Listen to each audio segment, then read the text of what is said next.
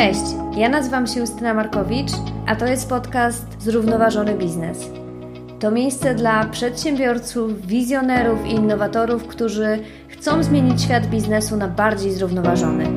Jeżeli bliski sercu jest Ci model firmy tworzącej wartość dla środowiska i społeczeństwa, to jest to miejsce dla Ciebie.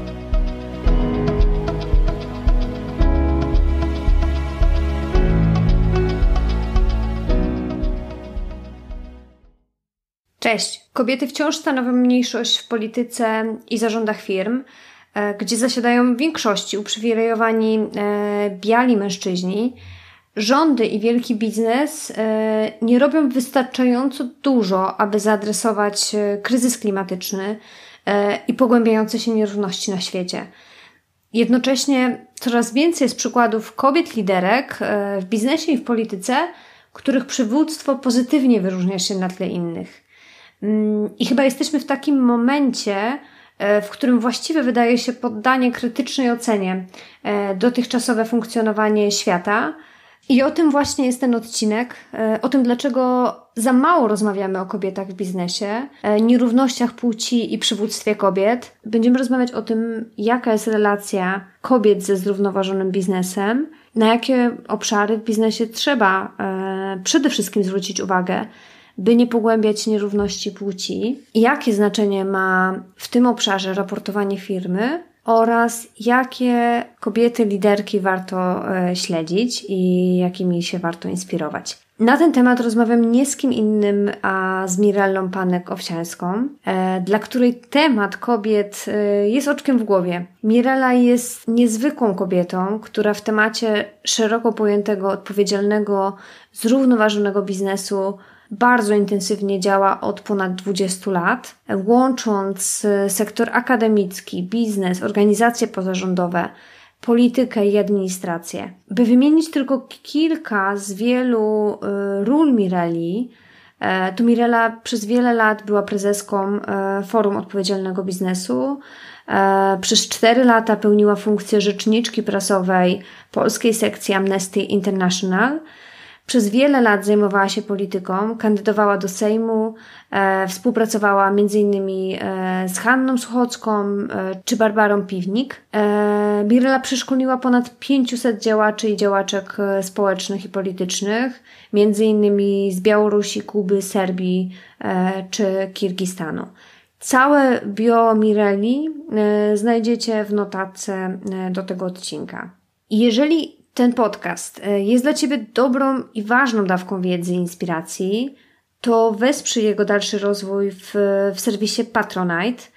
A jeżeli chcesz, żeby kolejne odcinki Cię nie ominęły, to subskrybuj profil podcastu na Spotify, YouTubie, iTunes lub na innym serwisie podcastowym, którego używasz. O każdym nowym odcinku dowiesz się także z konta e, podcastu na Instagramie, LinkedInie, Twitterze e, i Facebooku. A teraz zapraszam Was na ten około 40-minutowy niezwykły odcinek z Mirelą. E, cześć Mirela. Cześć, dzień dobry. Bardzo, bardzo cieszę się, że y, mam Cię tutaj, można powiedzieć, na pokładzie, że bierzesz udział w, w podcaście.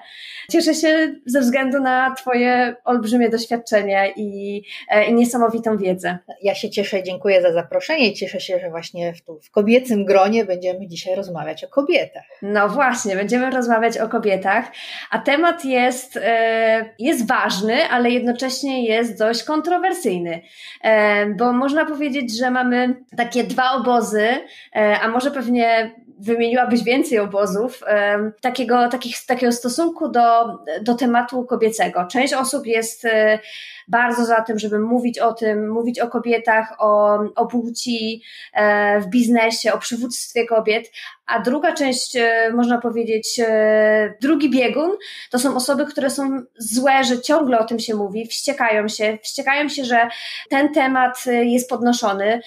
Twierdzą oni, że tak jak jest, jest ok, a wszystkie głosy, które zwracają uwagę na tą kwestię kobiet, no to jest taki feministyczny wrzask. Dlatego chciałabym na samym początku zapytać Ciebie o takie pięć powodów e, dla Ciebie najważniejszych, dlaczego powinniśmy właśnie rozmawiać o równości płci, o kobietach w biznesie, e, no i o przywództwie kobiet. To jest po pierwsze jedno z 17 wyzwań ludzkości, które zostało sformułowane w agendzie 2030, czyli w celach zrównoważonego rozwoju. To jest cel numer 5, który właśnie mówi o e, równości płci i mam wrażenie jest tak samo ważny jak 16 pozostałych celów zrównoważonego rozwoju, mhm. a jakoś się nie słyszy o tym, że zbyt dużo mówimy o dostępności energii, albo zbyt dużo mówimy o życiu e, w wodzie, albo zbyt dużo mówimy o mm, e, innych celach zrównoważonego rozwoju, więc,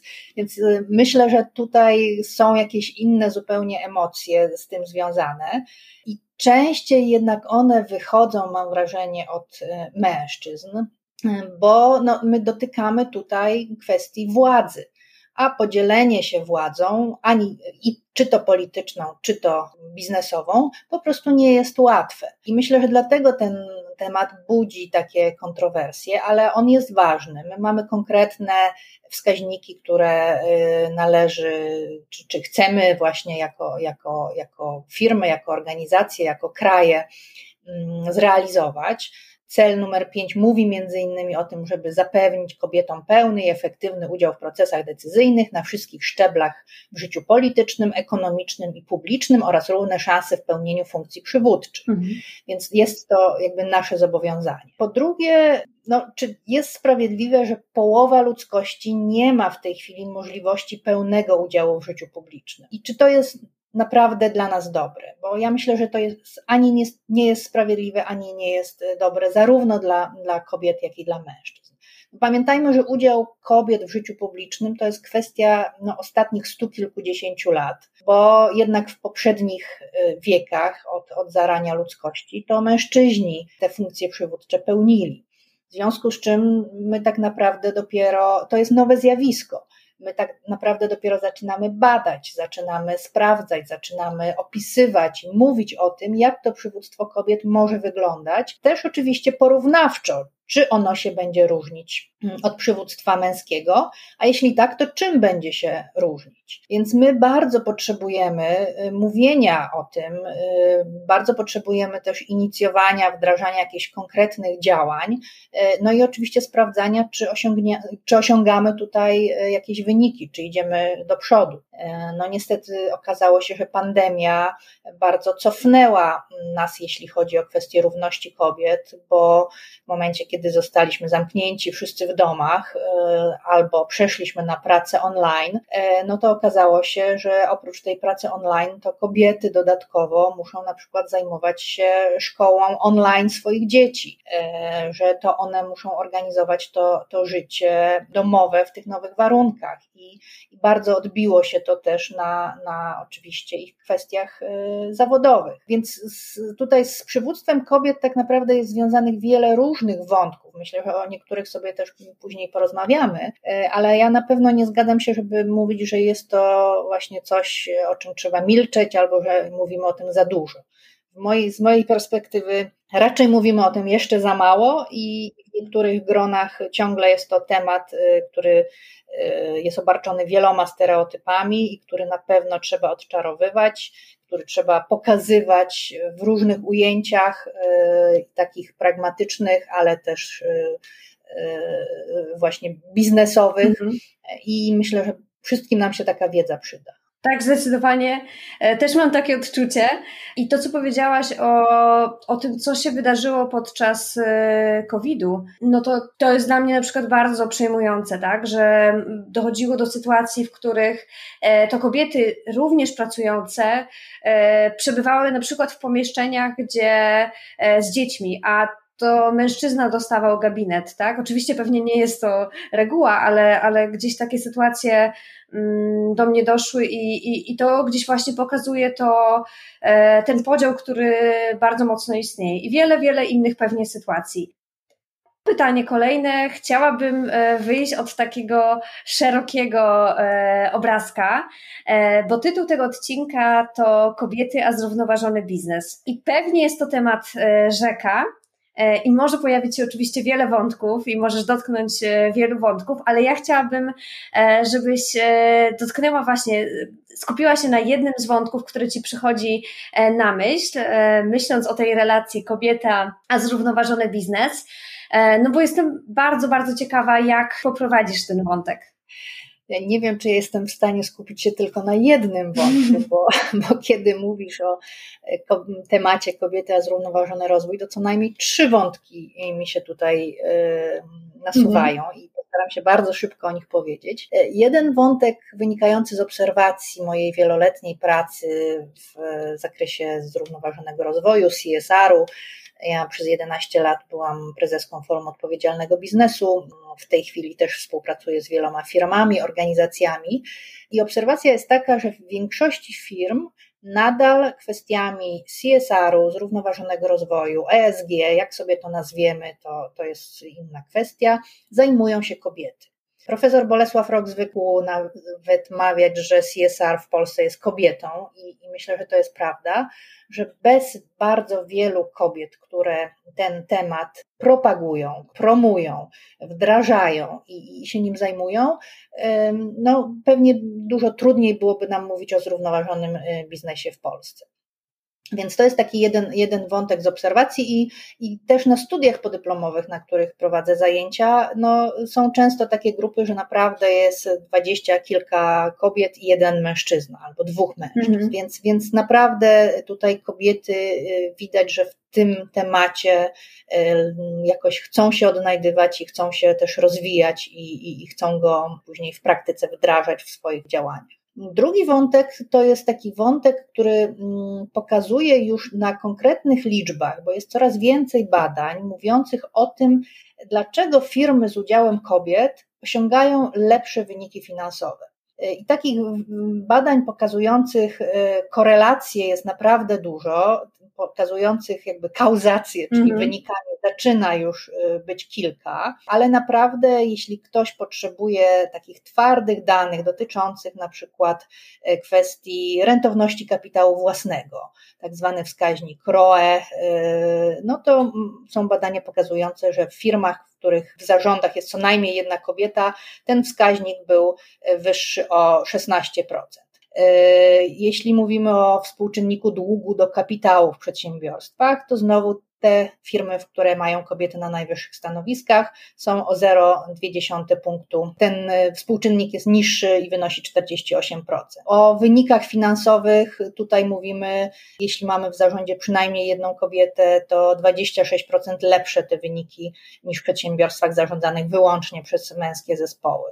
Współczynnik wartości księgowej, ceny akcji do wartości księgowej y, znowu pokazuje, że, że takie zespoły, w których są kobiety, e, osiągają lepsze wyniki. Więc, więc naprawdę, jeśli ktoś wierzy liczbom i chce to zobaczyć tak bardzo Excelowo w ujęciu liczbowym, to te liczby już są. E, I, I można oczywiście się do nich sięgnąć, można nimi się mm. posługiwać. E, więc, więc to myślę też jest taki ważny wątek, że my nie mówimy, nie gdybamy sobie, nie mówimy tylko na, na takim poziomie właśnie idei czy refleksji, ale mamy też już konkretne liczby.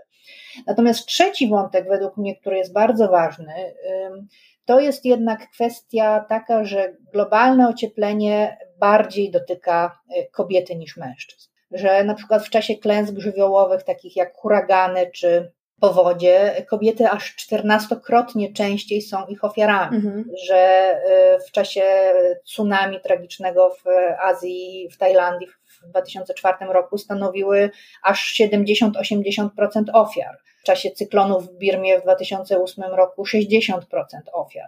Że to właśnie kobiety częściej e, ponoszą te konsekwencje, także na skutek e, właśnie chorób, które rozwijają się w wyniku zmian klimatycznych. Więc ja myślę, że to jest też ważny aspekt, kiedy my mówimy o zrównoważonym rozwoju, że te e, złe zmiany, które się dzieją, związane na przykład z kwestiami klimatycznymi, bardziej wpływają na kobiety niż na mężczyzn. Mm -hmm. I COVID właśnie to pokazał również.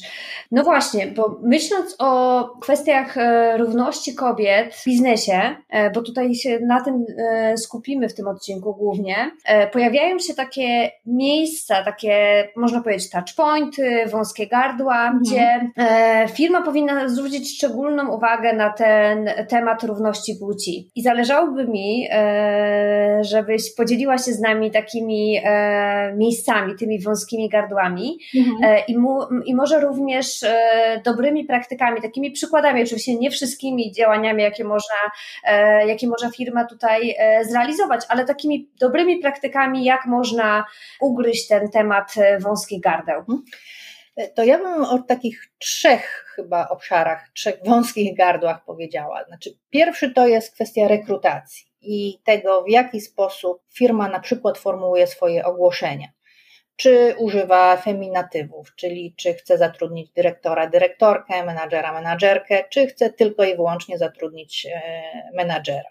I tutaj takim ciekawym przykładem był mm, jeden z miejskich zakładów transportowych, który szukając kierowców autobusów, w pewnym momencie w swojej komunikacji i w swoich ogłoszeniach napisał kierowcy, co prawda kierowcy autobusu, ale w nawiasie mężczyzna lub kobieta. To było pierwszy raz i okazało się, że po tak sformułowanych ogłoszeniach mieli o 25% więcej mhm. aplikacji y, kobiet, które no, nagle zobaczyły, że okej, okay, można być kierowcą autobusu. Mhm. Tak? Więc to, to jest jedna kwestia. Druga kwestia dotycząca rekrutacji to też są wytyczne dla firm headhunterskich, jeśli firma z takich korzysta. Kogo my chcemy szukać i też yy, na przykład, czy chcemy od firmy otrzymywać kandydata i kandydatkę, albo minimum dwóch kandydatów i dwie kandydatki na jakieś stanowisko, gdzie, gdzie końcowo my będziemy wybierać, czy też takiego, takie, takiego warunku firmie nie stawiamy. Mhm. Trzecia kwestia, to, to tutaj też bardzo ciekawe chciałam zacytować e, eksperyment, który był prowadzony przez badaczki w Akademii Leona Koźmińskiego. Eksperyment powtórzony w Polsce, który był też prowadzony w innych krajach, gdzie zaproszono komisję rekrutacyjną i dostała ona dwa, no właściwie niemal identyczne dokumenty, dwa życiorysy. Kandydaci mieli takie samo doświadczenie, takie same kompetencje. Jedyna różnica polegała na tym, że jedno CV należało do Karola, a drugie należało do Karoliny. No i teraz y, uczestnicy badania oceniali tych kandydatów, czy kandydata i kandydatkę, i co się okazało, że kobieta im wyglądała na karierowiczkę, czy proponowali jej niższą pensję niż dla mężczyzny na tym stanowisku i w ogóle stwierdzili, że nie chcieliby z taką osobą pracować. Z kolei Karol, mężczyzna, wydał im się całkiem fajny.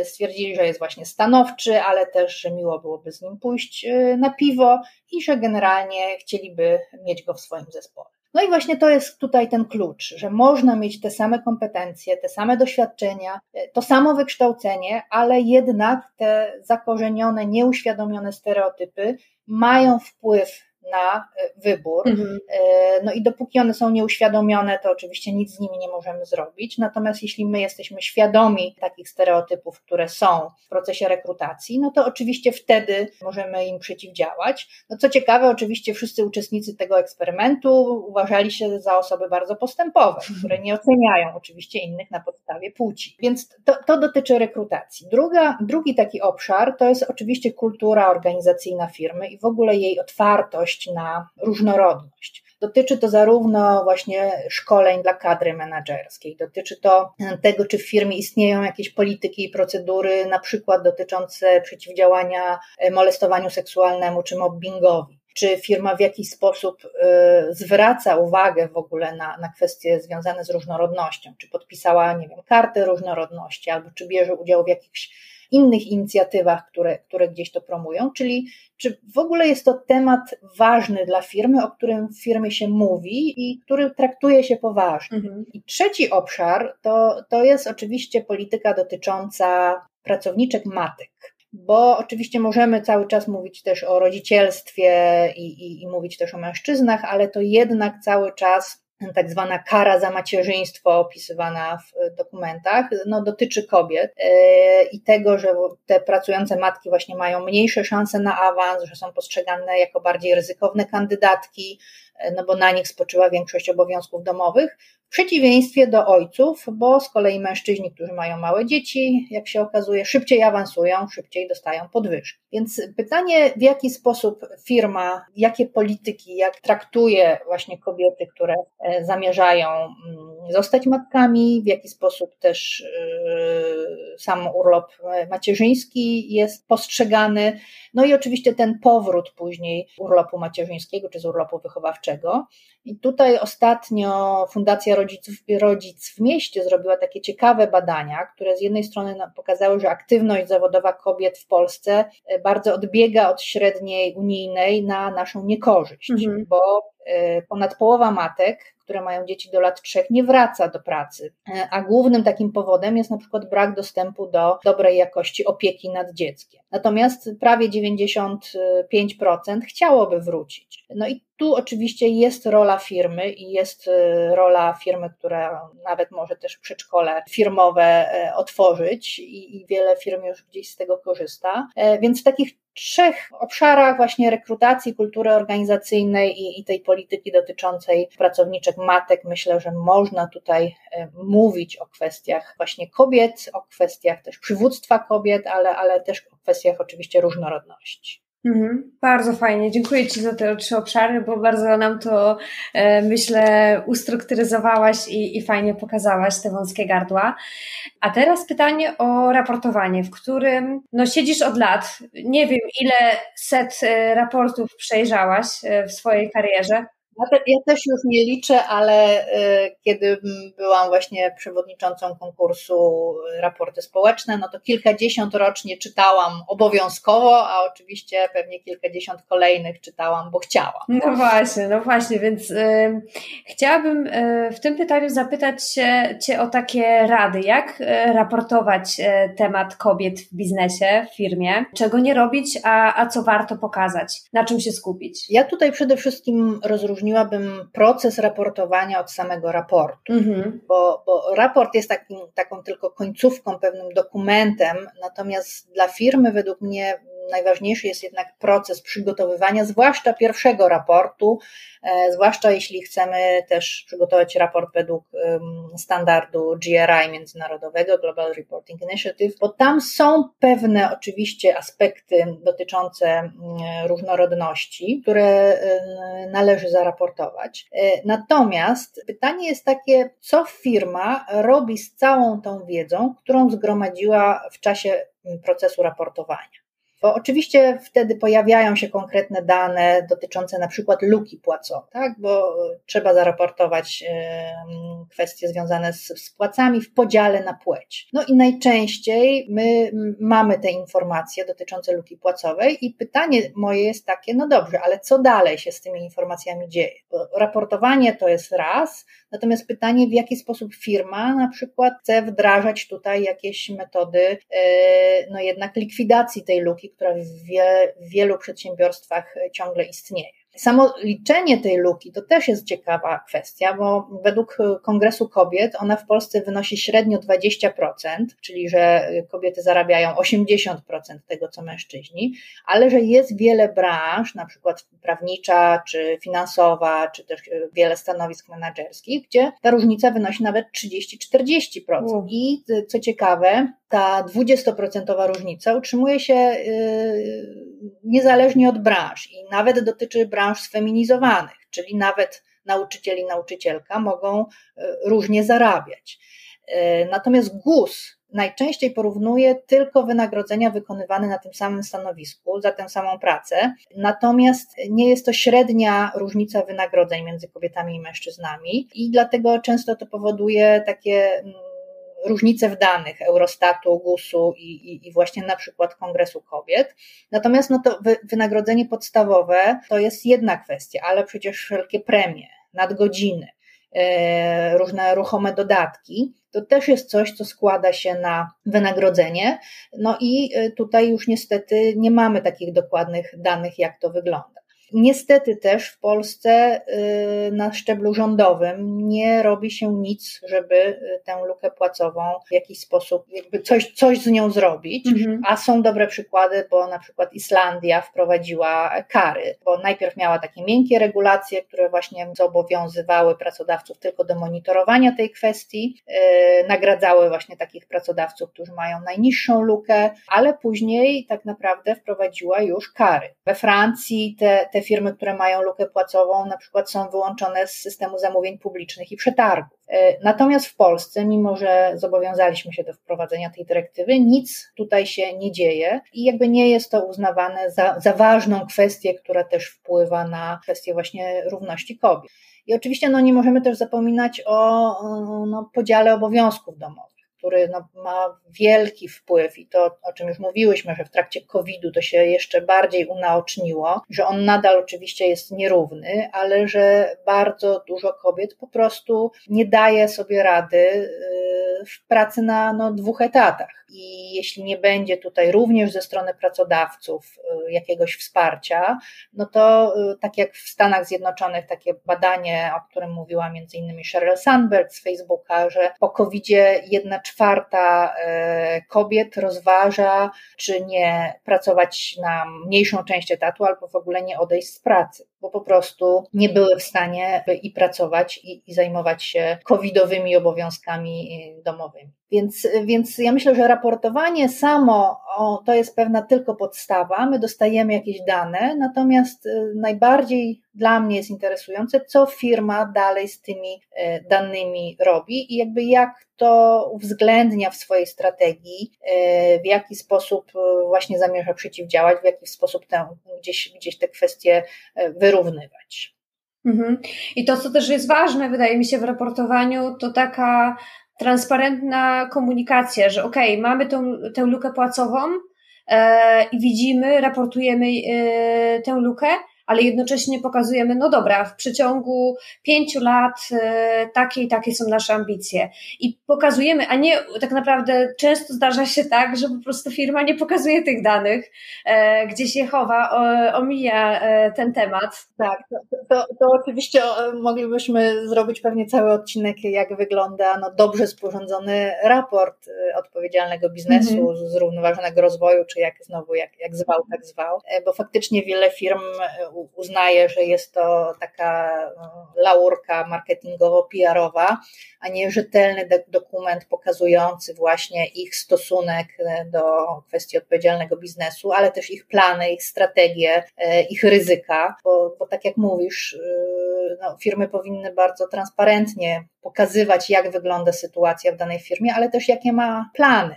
co chcą zrobić. I wiele firm w taki sposób raportuje na przykład kwestie związane z udziałem kobiet w wyższej kadrze zarządzającej, że, że pisze, że na przykład do 2030 roku e, naszym planem jest, czy naszym celem jest posiadanie minimum 30% kobiet e, właśnie w wyższej kadrze zarządzającej. Tak? I co roku jakby raportują, jak ten, jak ten stan e, wygląda. Więc, więc absolutnie tutaj te wymogi GRI dotyczące kwestii akurat płci nie są specjalnie duże. Mhm to jest właśnie wszystko bardziej kwestia informacyjna. Natomiast jak mówię, mając te dane już y, po procesie raportowania, wszystko zależy od firmy i tego, co firma chce dalej z tym zrobić. Tak, tak, jak najbardziej. Mm, no dobrze, to teraz y, chciałabym Cię zapytać o y, pozytywne inspiracje, bo jesteś osobą, która można powiedzieć w Polsce jest znana z tego, że dzielisz się informacjami o, o kobietach w biznesie, o, o, o liderkach. Skończyłaś w maju e, cykl e, codziennych publikacji na temat przywództwa kobiet, tak. a, wiemy, a wiemy też, że im więcej takich pozytywnych przykładów kobiet, tym bardziej dziewczynki, młode dziewczynki i kobiety wierzą w siebie, wierzą, że mogą te stereotypy płci łamać i naprawdę to bardzo mocno pomaga taka liderka w, w lokalnej liberalnej społeczności, która daje przykład, szczególnie w tych krajach trzeciego świata, e, tak pokazują badania. I tu chciałabym Cię zapytać o takie Twoje największe inspiracje, takie Twoje top trzy inspirujące liderki, które możesz e, wybrać. Ja wiem, że to nie będzie łatwe, bo, bo pewnie mogłabyś e, dziesiątkami wymieniać z całego świata, ale, ale chciałabym Cię poprosić może właśnie o trzy, cztery. Faktycznie może trochę łatwiej mi będzie, bo, bo mm, na swoim LinkedInie e, robiłam taki cykl o przywództwie kobiet, gdzie przez miesiąc publikowałam właśnie najciekawsze według mnie artykuły na ten temat i, i dużo tam gdzieś dyskusji pod tymi artykułami też odbyłam. To tak, pierwsza moja kandydatka to jest Aleksandria Ocasio-Cortez. Mhm. To jest najmłodsza członkini Izby Reprezentantów. E, no, dziewczyna z Bronxu, tak. dziewczyna z portorykańskimi korzeniami. E, była barmanka, która została, która najpierw wygrała swoje prawybory w Partii Demokratycznej ku zdziwieniu e, oczywiście wszystkich, a później wygrała właśnie wyścig do Izby Reprezentantów i no, pokazała, że właśnie ten inny styl uprawiania polityki jest możliwy. Potem wybra, wygrała kolejną swoją reelekcję. No teraz jest jedną z gwiazd tego lewego skrzydła Partii Demokratycznej. No jest królową Instagrama, gdzie ma ponad 6 mhm. milionów obserwujących. Właśnie bardzo ciekawie obserwuje się tę jej, to, to jej przywództwo, w jaki ona sposób je realizuje.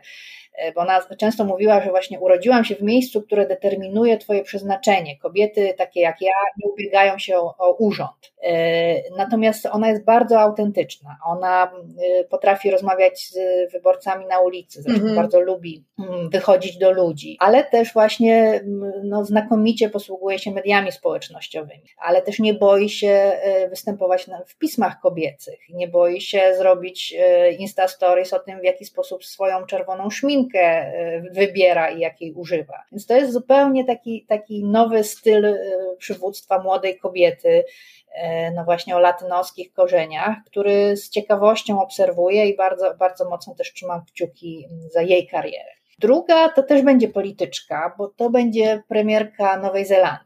Jacinda Ardern, mhm. która w Nowej Zelandii, nie wiem czy, czy wiesz, że przed nią były dwie premierki już, więc ona była trzecią w swojej historii.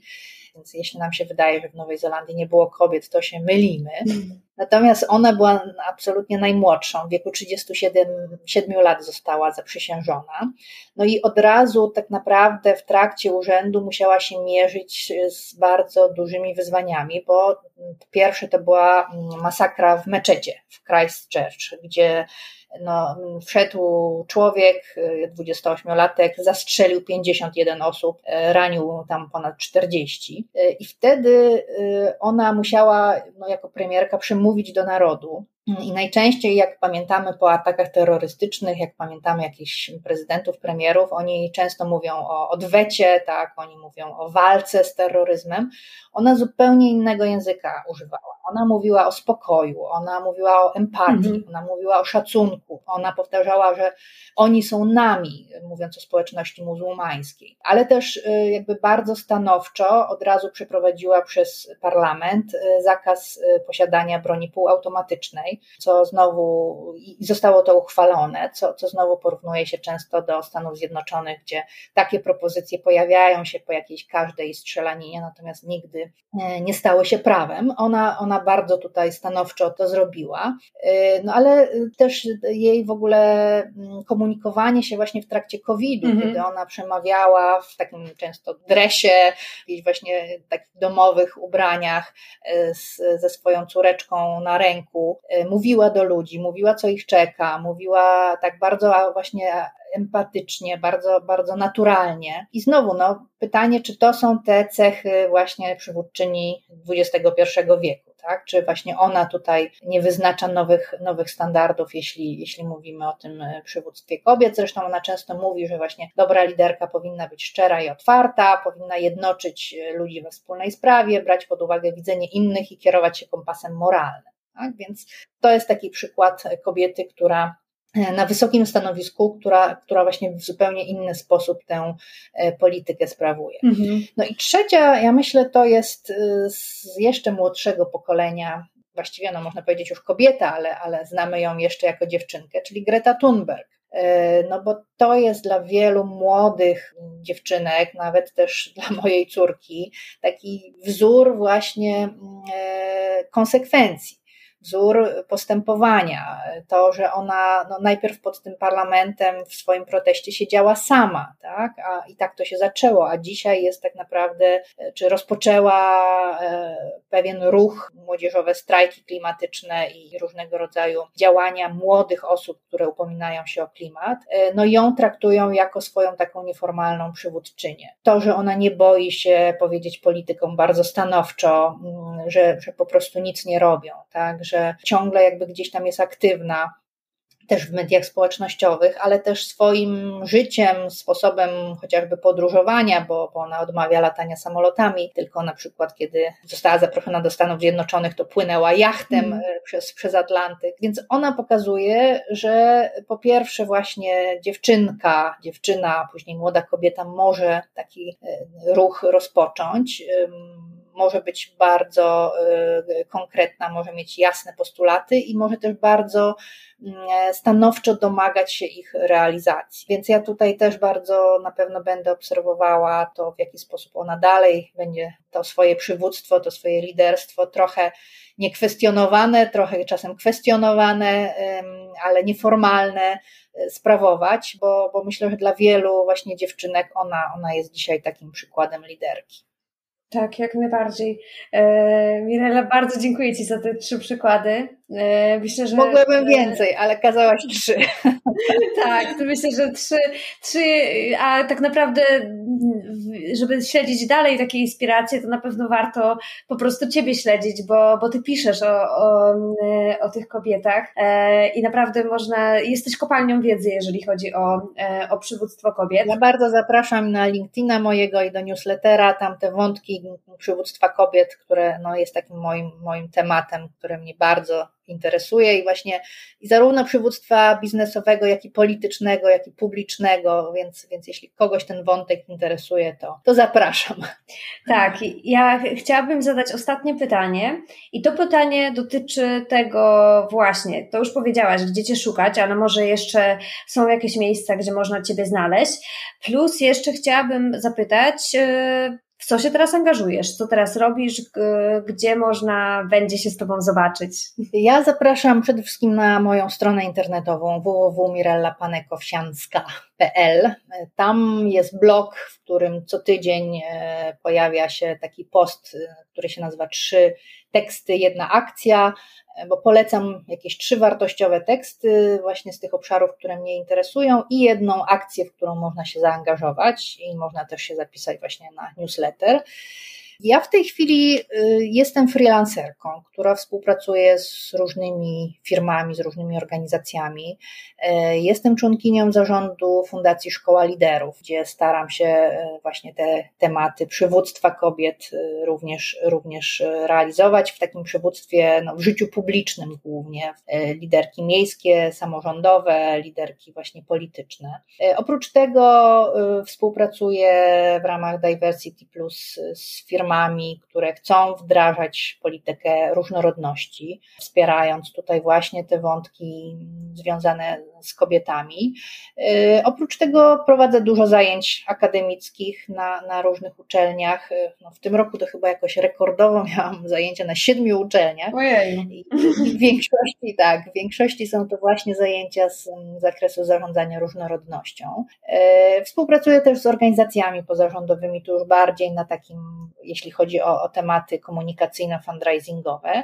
Więc jeśli ktoś ma ciekawy projekt, który dotyczy właśnie tych różnych różnych moich pasji, czy to przywództwa kobiet, czy, czy właśnie innowacji społecznych na przykład, to bardzo serdecznie zapraszam do kontaktu. Myślę, że, że możemy coś razem zrobić. Tak, jeszcze jesteś więcej inicjatyw zaangażowana, chociażby ostatnio startupy pozytywnego wpływu, ale możemy było pewnie wymieniać, tak. Tak, jeszcze mogłabym mówić właśnie o Fundacji Kosmos dla Dziewczynek, mogłabym mówić pewnie o wielu innych inicjatywach, ale ale gdzieś to wszystko akurat y, staram się na tym moim blogu łączyć, więc jeśli ktoś chce o tym poczytać, to, to serdecznie zapraszam raz jeszcze. Fajnie, dzięki wielkie. Dziękuję Ci Mirella za to spotkanie. Myślę, że zrobiliśmy fajną podróż, ciekawą podróż o kobietach w zrównoważonym biznesie i ja mam nadzieję, że Cię jakoś wkrótce zobaczę już na żywo, bo teraz widziałyśmy się, słyszałyśmy się online. Tak, ja też bardzo dziękuję. Ja bardzo się cieszę, kiedy ten temat y, gdzieś istnieje, właśnie też w mediach, czy, czy, czy można o tym posłuchać, można o tym powiedzieć, bo, bo uważam, że temat przywództwa kobiet jest bardzo ważny. Y, no i tak, mam nadzieję absolutnie do zobaczenia na żywo y, przy jakimś, przy jakimś zimnym napoju. Mam nadzieję, że już niedługo będziemy miały taką okazję. Bardzo Ci dziękuję za, za to zaproszenie dzisiaj. Dziękuję również, dobrego dnia Ci życzę i do zobaczenia. Do zobaczenia.